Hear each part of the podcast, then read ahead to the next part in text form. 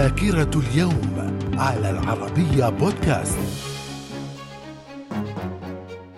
أهلا بكم إلى ذاكرة اليوم الأول من يناير.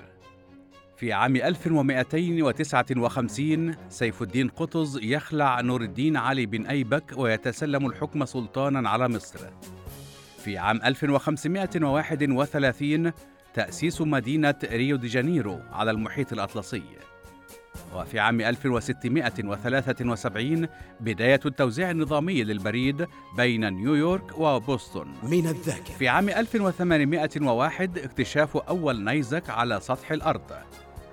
في عام 1808 الولايات المتحدة تمنع استيراد العبيد.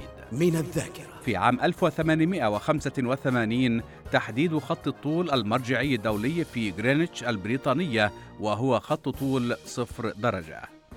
في عام 1934 جزيرة الكتراز الشهيرة في خليج سان فرانسيسكو تتحول إلى سجن فيدرالي أمريكي.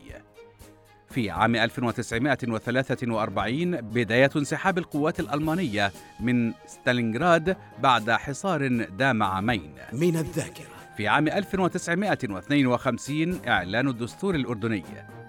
وفي عام 1956 استقلال السودان عن مصر والمملكة المتحدة وإعلان الجمهورية. من الذاكرة. في عام 1985 إجراء أول مكالمة بهاتف النقال في المملكة المتحدة.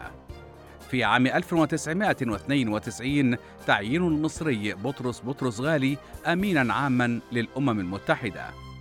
وفي عام 1993 تفكك جمهورية تشيكوسلوفاكيا وتأسيس دولتين مستقلتين هما تشيك وسلوفاكيا. من الذاكرة. في عام 2007 بلغاريا ورومانيا تنضمان إلى الاتحاد الأوروبي. من الذاكرة. ومن مواليد الأول من يناير في عام 1441 البابا اسكندر السادس بابا الكنيسة الرومانية الكاثوليكية في عام 1934 الأخضر الإبراهيمي سياسي ودبلوماسي جزائري.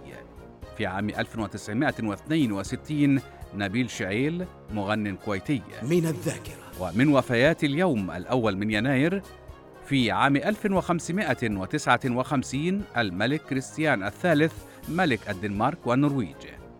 في عام 2015 عمر كرامي رئيس سابق للحكومة اللبنانية.